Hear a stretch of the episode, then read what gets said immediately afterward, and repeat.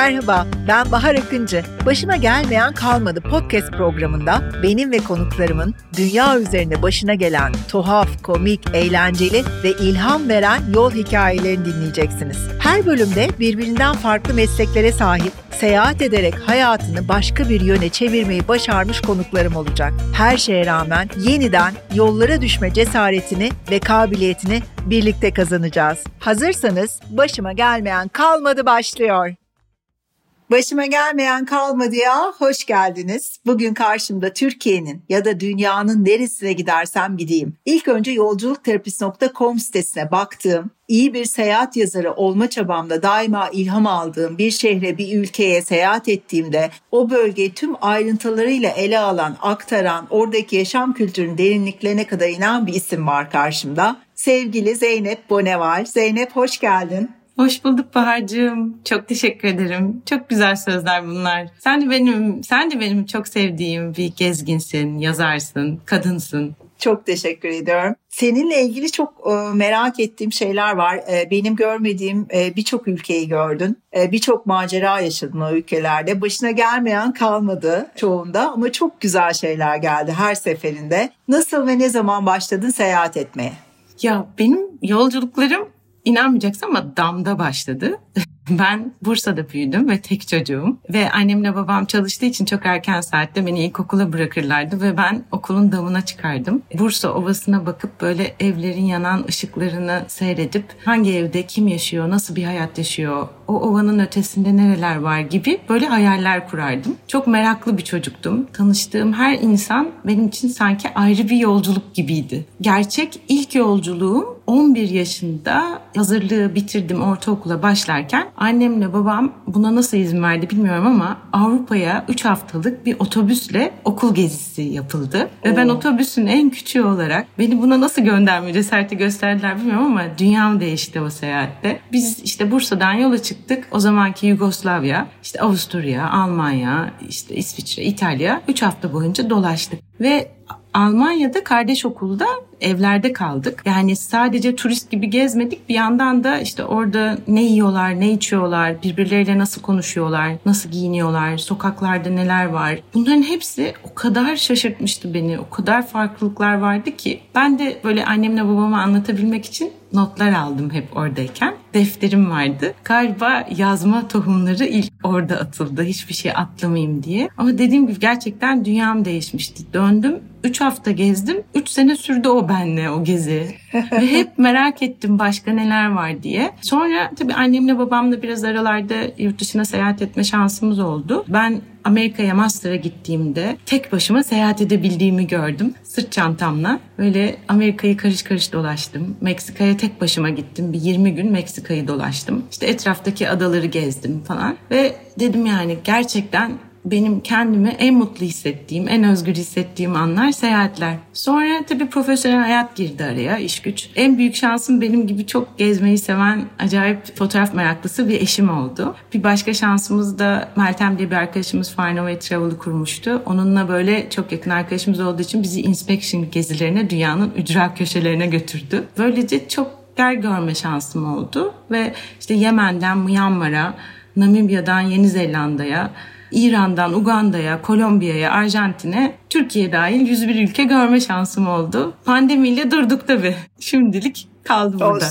İnşallah yeniden devam edeceğiz. İnşallah. Yani birçok engel var önümüzde. Pandemi bir engeldi. Kurlar maalesef engel. Evet. İşte pasaport ücreti engel, vize ücreti engel ama bir taraftan da bütün bunların engel olamayacağı ülkeler de var. Seninle birazcık onu konuşmak istiyorum bugün. Ama öncesinde şunu soracağım. Senin için gerçek seyahat ruhu nedir? Nasıl tanımlarsın? Ya seyahat ruhu böyle bence gezginlerin içten yanmalı bir motoru var. Hani hiç bitmiyor, hiç tükenmiyor o merak. Ben de şöyle gelişti. İlk önce tabii biraz batıya gittim. Batıya gittiğimde yani ne kadar cesaret geldiğini gördüm. Yani kendi şehrimde girmediğim bir sürü sokak varken orada böyle bütün sokaklara dalıp çıkıyorum.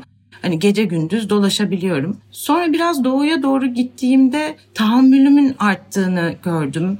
İşte kalabalığa, gürültüye, toza, dumana böyle bir e, hiç umum olmuyor E, hatta böyle işte sabahın köründe Luang Prabang'da işte Budist rahipler sunu yapacak diye işte beşte kalkıyorum. Yok işte Namibya'da çöllerin üzerinde balona bineceğiz diye yine beşte uyanıp balona binmeye gidiyoruz falan. Uykusuzluğa toleransım artıyor. Yani böyle bir gelişim bilinmezi kucaklama isteği. Çünkü normalde hayatta biz hep böyle her şeyi bil, bilmek istiyoruz yani. Her şeyi planlamak istiyoruz, kontrol etmek istiyoruz. Seyahate gittiğimizde de kendimizi yaşanmamışlara yenilikleri açıyoruz. Onu fark ettim. Sonra kendimi daha çok tanımaya başladığımı gördüm. Bilmediğim yönlerimle temas ettiğimi gördüm. Sonra biraz Afrika seyahatleri bana şeyi gösterdi. Nasıl anda kaldığımı. Çünkü böyle gözlerini keskinleştiriyorsun, kulaklarını açıyorsun. Bütün duyularınla hiçbir anı kaçırmak istemiyorsun. Hep şimdi ve buradasın. Biraz daha farklı kültürleri, kabileleri gezdikçe de yani başkalıkları kabul etmek gerektiğini, dünyada tek bir doğru yaşam biçimi olmadığını, tek bir normal olmadığını gördüm. Yargılamamak gerektiğini gördüm. Şimdi seyahat ruhu aslında bence ufkunu genişletip yargılarını evde bırakan, zihni özgürleşmiş, ayna gibi gözlemci olan, su gibi akan, geleni de olduğu gibi kucaklayan bir insan olmak demek. Ben buna çabalıyorum. O kadar güzel ifade ettin ki bunun arkasına şunu soracağım çünkü sen de aslında e, tutkusunu işine dönüştürmüş insanlardan bir tanesisin. Yolculukterapisi.com isimli bir web sitesi kurdun ve 1 milyon ziyaretçiye ulaştı. Bu siteyi kurma fikri nasıl ortaya çıktı? Neler yaşadın bu güzel projeyi yaşartırken? Yani demin sana aslında anlattığım bütün cümleler yolculuğun terapi etkileri.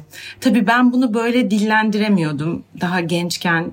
Sürekli seyahat etmek istiyorum. Biliyorum. Çok etkileniyorum. Döndüğümde ben başka bir benim. Her gittiğim yer bana farklı bir hikaye anlatıyor. Ben bunları habire yazıyorum. Bunlar ne olacak en ufak bir fikrim yok. Fakat yolculuk karması bir noktada beni 30 yaşımda bir seyahat ve konsiyerj firmasının genel müdürlüğüne getirdi. Bence böyle bir evren oyunlarını oynadı. Ve ben yani yolculuklara hep tutkuyla bağlıyken bir anda işim de yolculukla bağlantılı bir şey oldu. Bu sırada bir dergi çıkartıyorduk. Orada yazmaya da başlamıştım. Ama 5 sene sonra görevimi devrettim ve dedim ki ben bu tutkunun peşinden kendi yolculuğuma çıkacağım. Adına da yolculuk terapisi diyeceğim. Çünkü benim için bir terapi bu. Ve 12 yıldır yazıp duruyorum. Yazmak da yetmedi. Farklı kurumlara böyle kıta kıta Afrika, Asya, işte dünya bana neler öğretti. Ondan sonra işte seyahat trendleri, seyahatin tarihçesi gibi farklı farklı konularda sunumlar yaptım. Çeşme'ye taşındıktan beri de okullarda çocuklara dünyayı anlatıyorum.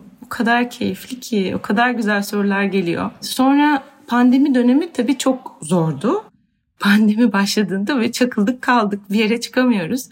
O zaman dedim madem evdeyiz, dünya bize gelsin diye bir podcast serisi başlattım. Gittiğim yerlerin bana anlattığı hikayeleri böyle bir bir okudum mikrofona. Bana da çok iyi geldi çünkü yeniden gitmiş gibi oldum ve bu sayede pandeminin zorluğunu yaşamama şansım oldu. İşte yazılarla, dinletilerle, sunumlarla E hali, D hali, den hali, yolculuğun her hali var bende yani. Ee, peki iyi bir iş ortaya çıkardığında sana destek veren kurum ve markalar oldu diye biliyorum. Onlarla nasıl bağlantıya geçtin, nasıl başardın? Yani başlangıçta iş gibi görmüyordum. Çünkü hani insan tutkusunu böyle hayata geçirdiğinde böyle bir coşkulu, öforik bir hal oluyor. Hani onu bir paylaşım yapıyorum. Derken büyümeye başladı yolculuk terapisi. İşte ziyaretçileri arttı. İşte e-mailing listemiz büyüdü. Ben dedim ki seyahat sektöründen biraz başta tanıdığım insanlar da vardı. Onlara böyle birkaç beni heyecanlandıran projeye götüreyim. İşte Türk Hava Yolları, işte Vodafone, Lufthansa, YKM Turizm, Farnaway Travel, Setur Onlarla böyle güzel işbirlikteliklerimiz oldu. Sonra zamanla biraz daha daha farklı projeler yapmak istiyorum dedim. Mesela biz ailecek Subaru tutkunuyuz. Annem dahil hepimiz Subaru'muzdan vazgeçmiyoruz. Subaru'ya allem ettim, kallem ettim. LinkedIn'e girdim, isimler buldum. İşte e-mail uzantıları denedim falan derken bir şekilde ulaştım. 5 yıldır adım adım böyle Türkiye'yi geziyoruz. Sürüş rotaları, güzel içerikler üretiyoruz. Güzel bir iş birlikteliğimiz var. Şimdi onlarla da bir podcast serisine başlayacağız.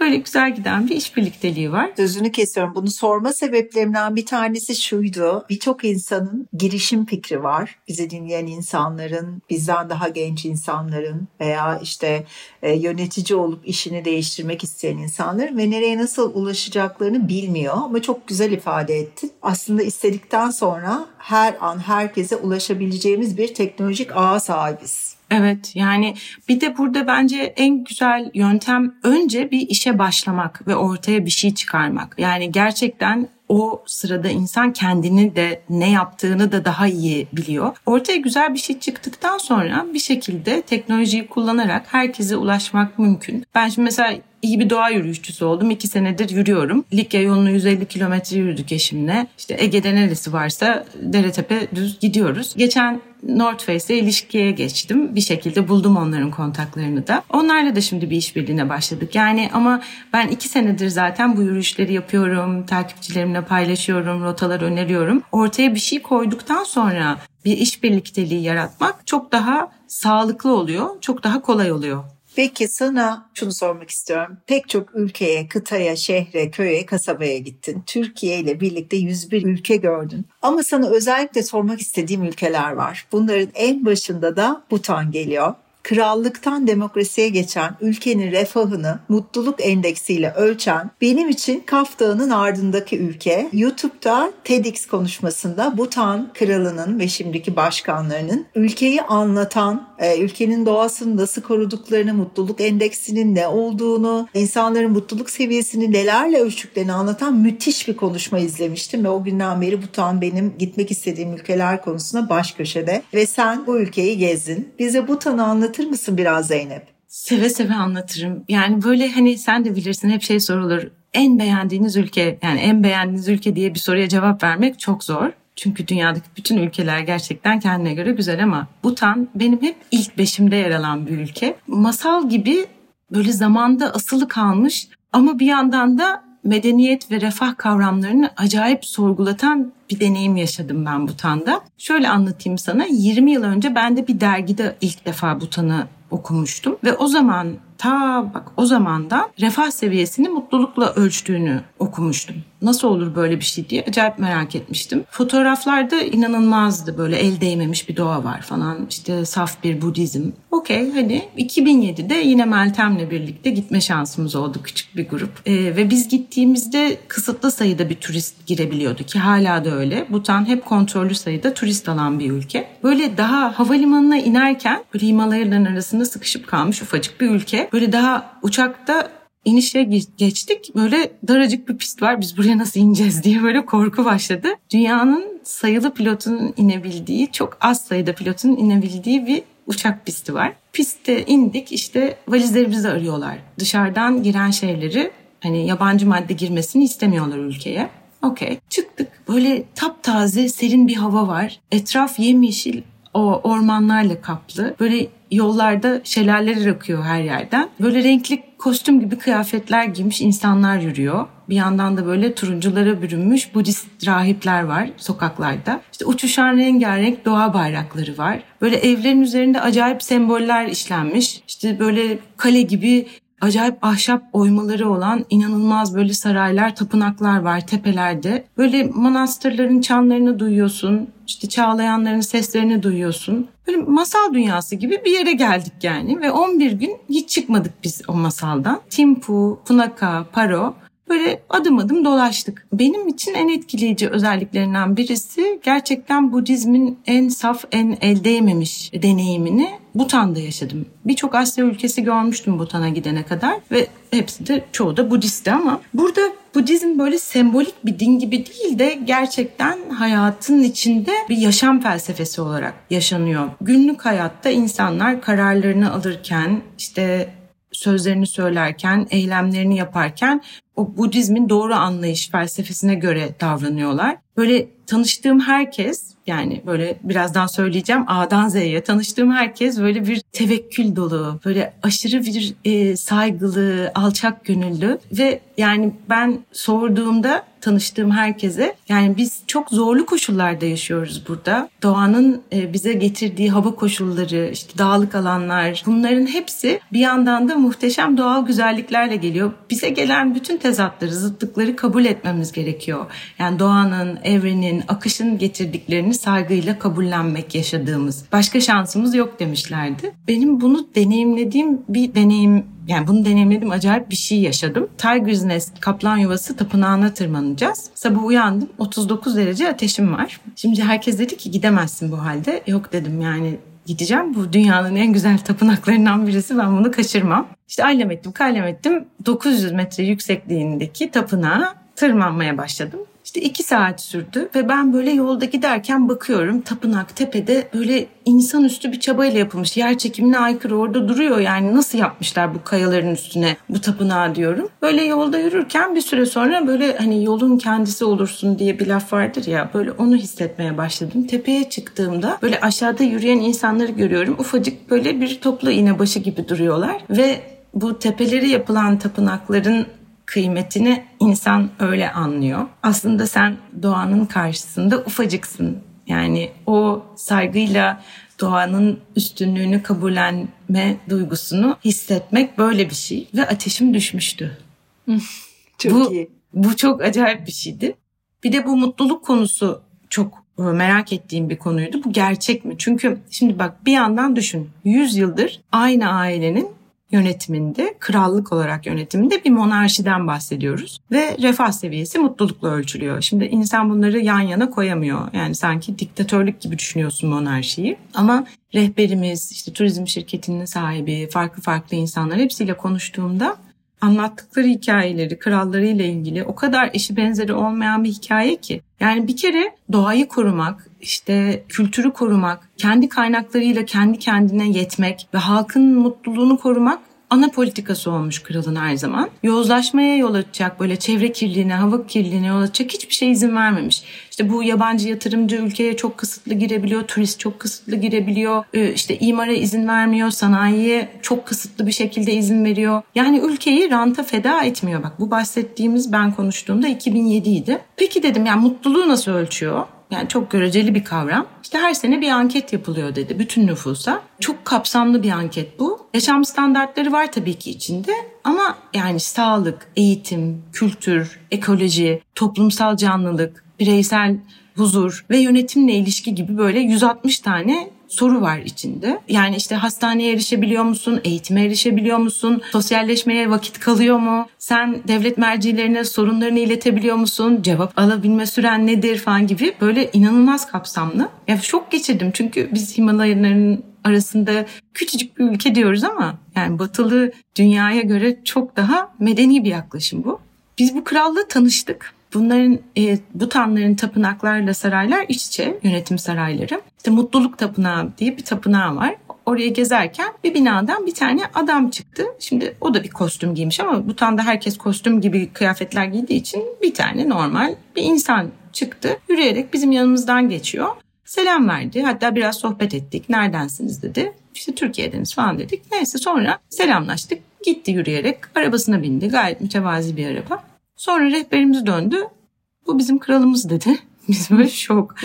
Yani ne polis var ne koruma var ne eskort var. Adamda hiç ego yok yani. Böyle ve bizden sonra olanlar daha da enteresan. 2008 yılında kral diyor ki demokrasiye geçeceğiz. Halk çıldırıyor. Diyor ki kendilerini sokağa atıyor. Biz diyor kralımızı istiyoruz. Demokrasi falan istemiyoruz diyor. O da diyor ki yok biz demokrasiye geçeceğiz. Topluma danışılarak yapılmış bir anayasa yapacağız. Parlamentoyu seçeceğiz. Oğlum da benden sonraki kral olarak tahta sembolik olarak oturacak sadece diyor. 2009'da gerçekten demokrasiye geçtiler ve kral anayasaya sadece bir madde ekliyor. Bir tahmin et bakalım ne eklemiş olabilir? Yönetim şeklinin demokrasi olduğunun değiştirilemeyeceği gibi bir madde mi? Evet, o da vardır mutlaka. Ama bu adam mutluluğa, halkın mutluluğuna takık bir adam olarak halka mutluluğunu arama hakkı ve hükümete de bu hakkı yerine getirme görevini. Yani inanılmaz bir şey yani evet, bu çok. hani biz zamanda asılı kalmış masalsı bir ülke falan diyoruz ama yani bir yandan da bütün dünyaya işte mutluluk, sürdürülebilirlik, işte ekoloji, E, bütün bu konularda acayip medeniyet konusunda acayip bir ders veren bir ülke yani örnek bir ülke. Yani ben çok büyük bir aslında dünya için büyük bir kur, umut duydum Butan'a gittikten sonra. Keşke yani şu anda sürdürülebilirlik konusu biliyorsun dünyamızın çok acil kapısında e, önemi. Yani her ülke Butan'ı biraz örnek alsa diyorum. Butan'a gitmek isteyenler için bir iki tane öneride bulunayım. Lütfen. İster misin? Lütfen. Ee, iki tane film var seyretmelerini önereceğim. Gezginler e, ve Büyücüler bir tanesi. Bir tanesi de The Cup.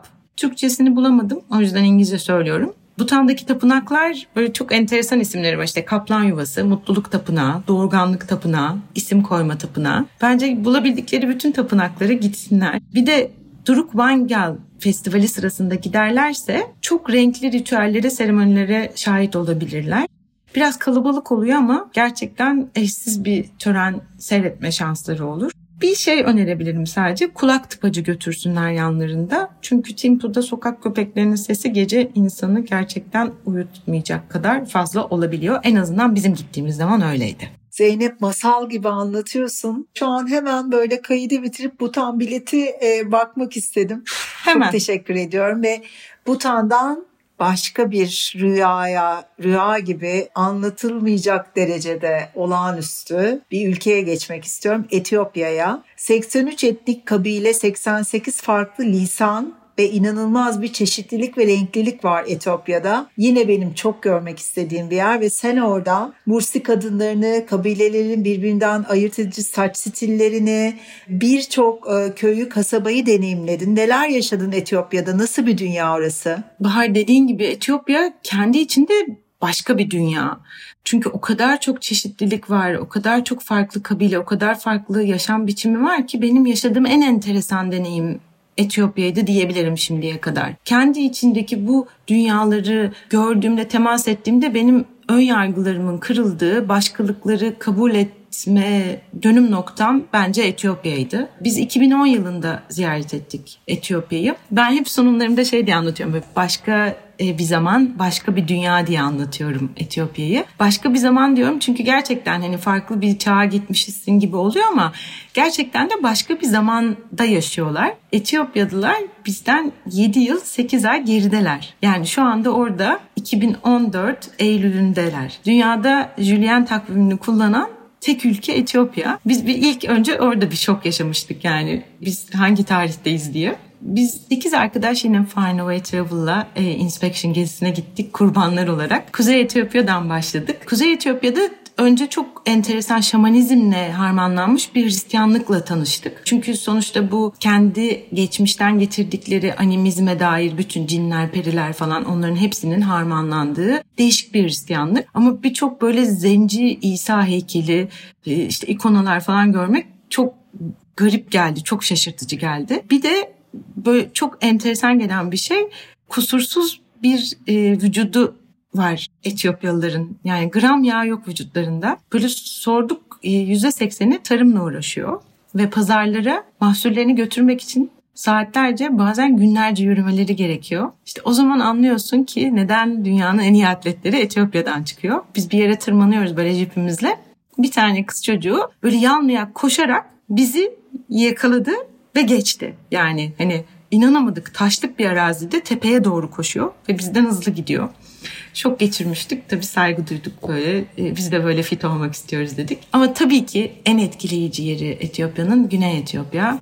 Oma Vadisi. 6 gün burada e, farklı kabileleri ziyaret etme şansımız oldu ve en çarpıcı deneyimleri orada yaşadık. Gerçekten böyle daha eski bir çağa doğru gidiyorsun. Kabilelerin çoğu bu bölgede yaşıyor ve binlerce yıllık aynı geleneklerini devam ettiriyorlar. E, her kabilenin demin senin de söylediğin gibi lisanı, işte yüz boyaları, saç stilleri, işte orasına burasına işte kulağına, dudağına taktığı farklı farklı şeyler var. Zamanla hangisi kime ait böyle anlamaya başlıyorsun. Pazarlarda falan gördüğünde şu kabile bu kabile diye ayırt edebiliyorsun. Mursi kabilesi tabii ki aralarındaki yine en enteresan, en etkileyici deneyimdi. Biraz da ürkütücüydü. Böyle dağlık bir araziden geçip biraz uzun saatler geçtikten sonra biz Mursilere ulaştık ve böyle şey sırtlarında kadın erkek herkesin Kalaşnikovlar var. Böyle bir korktuk. Rehberimize sorduk nedir bu diye. Dedi ki bunlar yerleşik düzende. Normalde çoğu kabile göçebe yaşıyor. Yerleşik düzende oldukları için topraklarını korumak için bunları taşıyorlar. Biraz da sinirli bir kabiledir ama merak etmeyin hiçbir şey yapmaz falan dediler. Neyse indik indikten sonra gerçekten hani farklı ülkeden olmanın bariyeri aşılıyor. Onlar senin yanına geliyor. Herkes birbirini inceliyor. Mursik kadınlarının alt dudaklarıyla üst çenesinin arasına taktıkları plakalar gerçekten çok enteresan. Bu 12-13 yaşında genç kızların bu Ee, yuvarlak bir yuvarlak evet. plakalardan bahsediyorsun. Evet. Yani tabak tabak gibi tabak. aslında değil mi? evet, yani kilden yapılmış tabaklar. Ee, 12-13 yaşında genç kızlar böyle dud- alt dudaklarıyla çenenin kesiştiği yere önce ufak bir çizik atıp böyle orayı delip Oraya ufak bir e, kilden tabaka yerleştiriyorlar. Sonra böyle onlar büyüdükçe o tabakalar da pl- plakalar da büyüyor ve 15 santime kadar uzuyor ve her kadın kendi istediği, kendi zevkine göre onları süslüyor. Aslında bu bir güzellik göstergesi onlara göre. Bir de tabii güçlü yani bu acılara katlanabilme gücünün göstergesi. Şimdi bu plakaları çıkarttıklarında nasıl yemek yiyorsunuz diye sorduk. İşte plakayı çıkarttılar. Böyle dudak boyunun altına kadar iniyor. Şimdi bu nasıl bir güzellik göstergesi diyorsun. Ama o bana göre yani güzellik kime göre? O bana göre. Bir anda bir fark ettim. Yani onlar bize çok farklı geliyor. Biz de onlara çok farklı geliyoruz. Böyle geliyorlar kollarını kollarımın yanına getirip benim beyazlığıma gülüyorlar.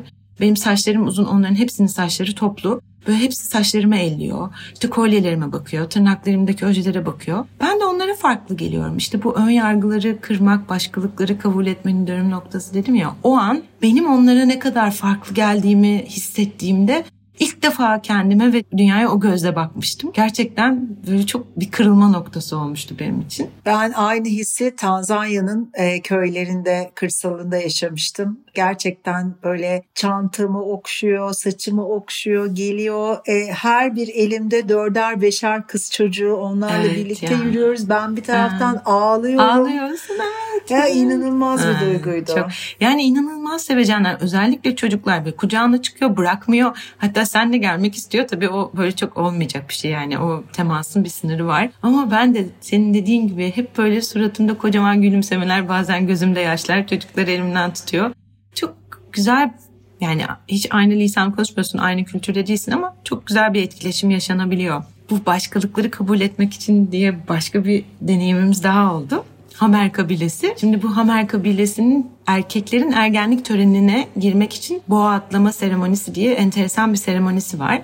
İşte bu çocuk işte boğaların üzerinden dört kez düşmeden gelip gitmesi gerekiyor. Tamam o zaten enteresan da ama esas kadınlar bu çocuğa cesaret vermek için ellerine kırbaç alıp gidiyorlar. Çocuğa kendilerine kırbaçlatıyorlar. Ve böyle kanlar içinde o izler ortaya çıkıyor. Biz böyle yani bunu niye yapıyorlar dediğimizde ya o katlanabildikleri acı onların güçlerinin göstergesi ve taşıyacakları o ömür boyu taşıyacakları izler de onların gururu. Çünkü onlar çoban bir kabile, göçebe çoban bir kabile ve güçlü olmaları lazım. Ve kadınlar da aslında güçlülüklerini bütün bu acıya katlanabileceklerini göstererek ortaya seriyorlar. Yani bu tabii çok e, şok edici bir şey bizim için. Bizim güç kavramımız çok daha farklı. Ama onların yani o coğrafyanın ve oranın, o kültürün gerçeği bu. Bir de kara kabilesiyle de çok enteresan bir deneyimimiz oldu.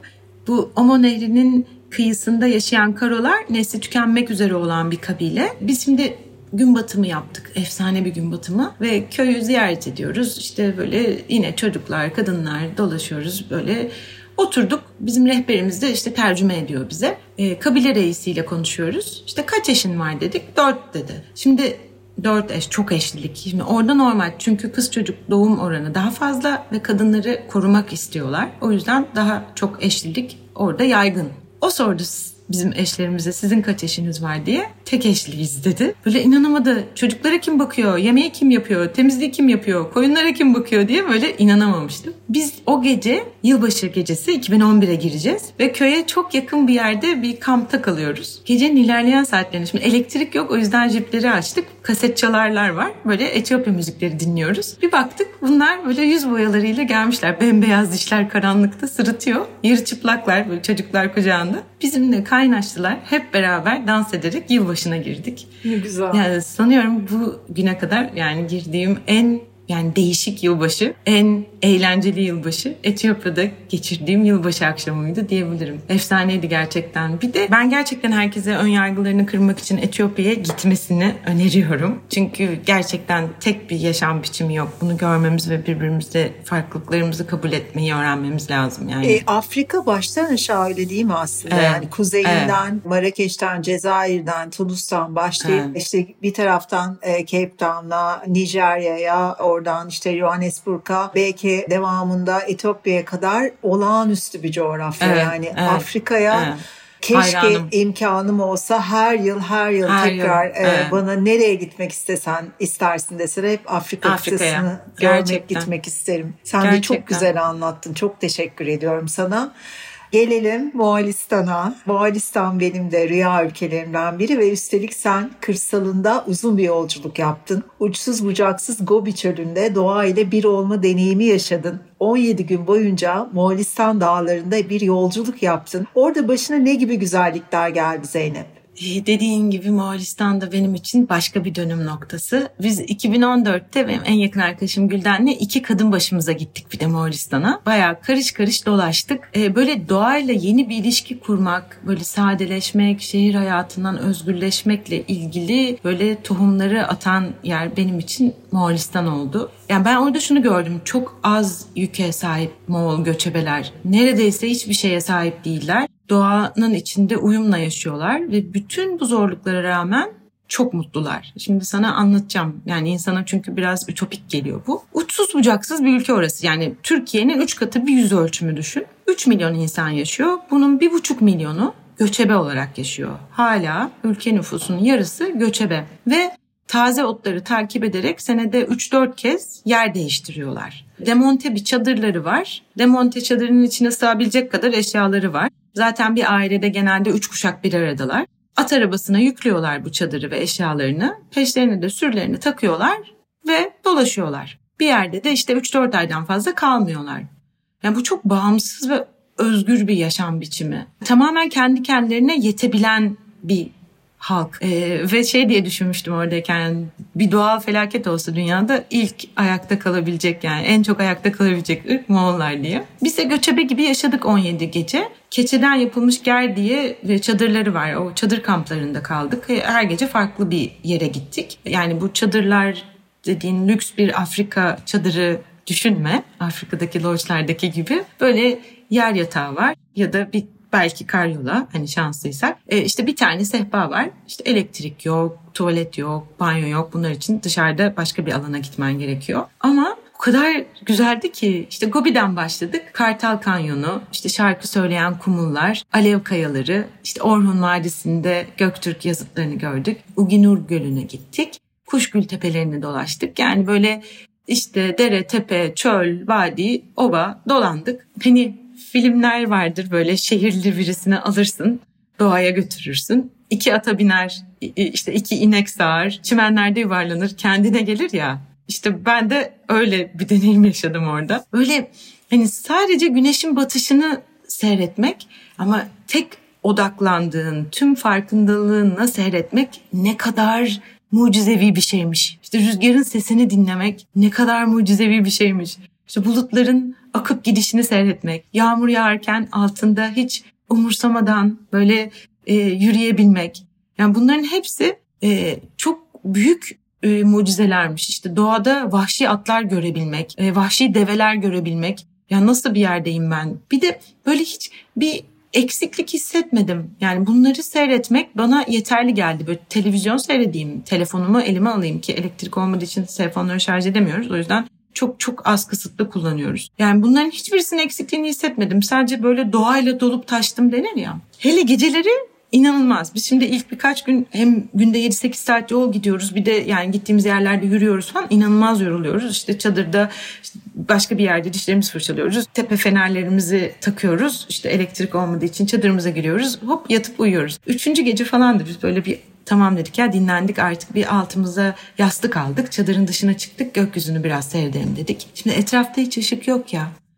Böyle inanılmaz sanki yıldızdan böyle bir 360 derecelik bir gök kubbeyi bizim böyle tepemize kapatmışlar gibi. Böyle sağıma bakıyorum, arkama bakıyorum, yukarı bakıyorum. Her yer yıldız. Böyle bir şey olamaz yani. Ve yıldızlar kocaman. Hani Samanyolu'nu biz böyle bulut gibi görürüz ya toz bulutu. Böyle oradaki yıldızları ayırt edebiliyoruz. Hele bir tanesi böyle kayıyor. Böyle bayağı uzun uzun alev topu onu seyrediyorsun. Yani böyle şey demiştik. En güzel diziler geceleri gökyüzünde oynuyor diye. Her gece yastığımızı alıp çadırımızın dışına çıkıyorduk. Bir de oradayken çok göçebe çadırı aile ziyareti yaptık. Hep sorduk şehirde yaşamak ister misiniz diye. E çok güldüler bizim bu sorumuza. Yani biz deli miyiz? Yani binaların arasında dip dibe yaşayalım. Yani hapishane diyorlar. Yani düşün isim takmışlar şehre hapishane. Yani gerçekten çok özgürler. Yani tüm topraklar onların.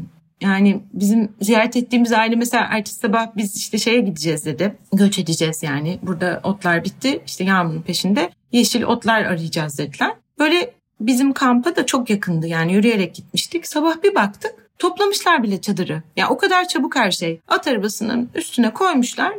İşte o keçilerini, koyunlarını, yaklarını almışlar. Böyle gidiyorlar. Birkaç saatte bıt, tamam yer değiştirdin. Yani bizim işte evler, arabalar, işte eşyalar, hani o sahip olma duygumuz falan.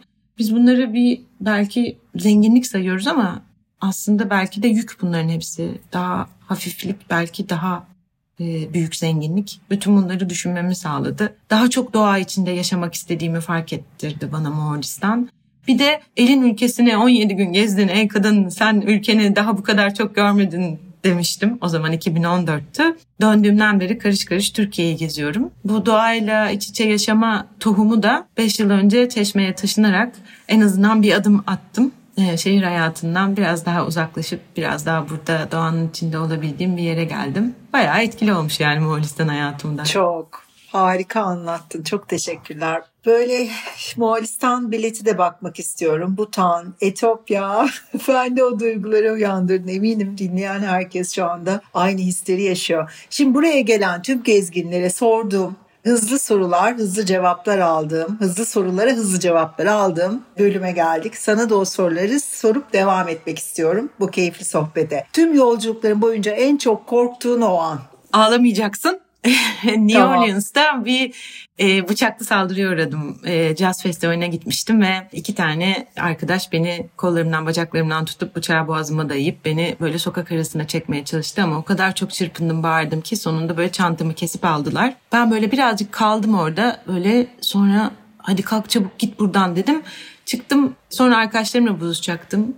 Buluştum yola devam ettim. Jazz festivalini dinlemeye devam ettim ve o gün şunu gördüm. Başımıza ne gelirse gelsin bu hayatta devam etme gücümüz bizim elimizde. Sağlığımız yerinde olsun yeter ki. Peki e, hiç yardım eden ya da gören olmadı, olmadı mı? Olmadı. Görenler Karanlık oldu ama yok gündüz vaktiydi. Ha, gündüz yani vakti. gündüz vaktiydi. Yardım eden olmadı. İşte o da biraz Amerika'nın e, Amerikalı diye. Evet. Neyse ki kötü yani kötü bir olay ama yaralanmadın e, veya evet. başka bir evet. sıkıntı olmadı. Yıkılmadım ayaktayım deyip işte yola devam etmek bence bu büyük bir yani benim için çok büyük kendimde ilk defa temas ettiğim bir güç oldu. İyi ki de yani içinden sağlam çıkabilmişim. Şimdi de kendime güvenim e, bu sayede yerinde her Arttı. şeyle baş edebilirim diyorum. Tüm yolculukların boyunca en çok güldüğün o an. Hmm, şey biz Uganda'da yağmur ormanlarında goril yürüyüşü yaptık. Yani nesli tükenmekte olan o gorilleri görmek için e, bir iki saatlik bir yürüyüş yaptıktan sonra onlarla bir bir saat vakit geçirdik. İşte bize uyarmışlardı işte gorillerle göz teması yapmayacaksın, işte şu kadar yaklaşmayacaksın, ani hareket yapmayacaksın, yüksek sesle konuşmayacaksın. Okey. Ama gorilleri kimse uyarmıyor tabii. Şimdi gorillerin en büyüğü gümüş sırt. Onların bir küçüğü var, e, siyah sırt. Şimdi bu geldi ben elimde telefon böyle film çekiyorum. Böyle elime bir vurdu çat diye telefon düştü. Allah dedim ne yapacağız? Bir de yani o benim elimi tutsa kolumu kaldırsa falan yani beni alır yerden yere vurur o kadar kuvvetli. Böyle bir yandan gülüyorum ama kahkahaları yani hem korkuyorum hem gülüyorum. Neyse ben böyle çaktırmadan e, yere eğildim böyle bakıyorum kendisine hani izin var mı gibi telefonu aldım elime ama yani böyle tam dibimde bir goril fotoğrafı çekme şansını sundu bana. Yani o anda korktum ama sonrasında en çok güldüğüm ve anlardan hep böyle biri. E, anlardan bir tanesi bu. Mucizevi bir anmış gerçekten. Evet. Yine olsa yine yaparım dediğin hareket. Yeni Zelanda'da uçaktan atladık 4500 metreden ve ilk 2500 metresi serbest düşüştü. Yani o özgürlük duygusu o kadar güzeldi ki yine olsa yine yaparım. Yakın zamanda gitmeyi planladığın ülke. Şili ve Bolivya'da Atacama Çölü ve Uyuni Tuz Gölü'nü görmek istiyorum. İnşallah. Bununla ilgili planlamaların var mı? Başladı mı? E, hangi ay gidilmeli mesela? Yani şöyle söyleyeyim sana şu anda pandemi içinde olduğumuz için e, daha planlamaya başlayamadım. Çünkü Latin Amerika hala biraz riskli bir bölge. O yüzden aslında her mevsim gidilebiliyor. Çünkü ee, özellikle Tuz Gölü'nün üzerindeki yansımaları görmek için yağışlı sezonda gitmek güzel ama kurak sezonda git, gidersen de başka güzel manzaralara denk geliyorsun. O yüzden şimdi böyle e, birazcık pandeminin daha oralarda hafiflemesini bekliyorum. Ve hayal kuruyorsun. Evet. Bol bol. Evet. İnşallah en kısa zamanda gerçekleşir Zeynep. Senin gibi azimle yaşama tutunmak, seyahat etmek, kendine seyahat ederek bir yol, bir hayat çizmek isteyen dinleyenlerimiz var. Başıma gelmeyen kalmadığı, Aposto ile birlikte yaptığımız Başıma Gelmeyen Kalmaydı programında en çok bu yüzden dinliyorlar biliyorum ben. Ee, hem mesajlardan hem geri dönüşlerden. Bu dinleyicilerimize ekonomimizi de göz önüne alarak tavsiyelerin ne olur? Nasıl bir e, seyahat etme biçiminden oluşan, temelinde bu olan bir hayat kurabilirler? Ya gerçekten evet artık zor daha ekonomik durumumuz sebebiyle işte döviz kurlarının artışı sebebiyle gibi gibi. Ama bence bahane her zaman bahane. Yola çıkmak isteyen herkese tek başına da olsa yola çıkın. Yola çıkmakla başlayın derim nasıl olduğunun bir önemi yok. Yani otobüsle çıkın, trenle çıkın. Hatta belki de çok daha iyi çünkü karbon ayak izi düşük. Yavaş seyahat etmek, aslında gittiğin yeri sindire sindire yaşamak çok daha güzel. Çünkü biz çok koşturarak seyahat etmişiz. Şimdi ben gittiğim yerlere yeniden gidip biraz daha e, daha uzun kalıp daha adım adım gezmeyi tercih ederim açıkçası. Belki eskisi kadar sık seyahat edemeyeceğiz ama senede bir tane büyük ve uzun bir seyahat planlayıp hani eğer uzak bir destinasyonsa mecburen uçağa binilecekse çok önceden böyle uçak promosyonlarını falan kovalayıp ama seyahati oradayken uzun tutup otel fiyatları da böyle çok güzel cici hosteller var. Daha uygun fiyatlı. Ev değişim programları var. İşte agroturizmolar var. İşte gidip bir yandan çalışıp gönüllü bir şekilde bir yandan gezebiliyorsun. Hani buralarda kalınabilir.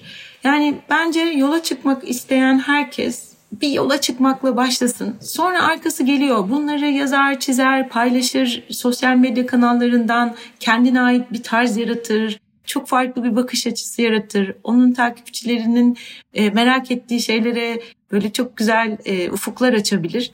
Oradan da yeni fırsatlar doğabilir. Bir de ben hep şey diyorum yani yola çıkın yolda cesareti buluyorsunuz. Yolda sabrı buluyorsunuz. Dayanıklılığı buluyorsunuz. Kendinizi buluyorsunuz. Yani bütün hedefleri insan aslında yolda buluyor. O yüzden bence çıkın yola. Zeynep masal gibi anlattın. Bize oraları gittiğin her yeri, her ülkeyi, her köyü, kasabayı yaşattın. Butan'ı, Etiyopya'yı, Moğolistan'ı senden dinlemek bana inanılmaz güzel bir keyif verdi. Çok teşekkür ediyorum sana. Başıma gelmeyen kalmadıya konuk olduğun için çok teşekkür ediyorum. İyi ki geldin, iyi ki anlattın.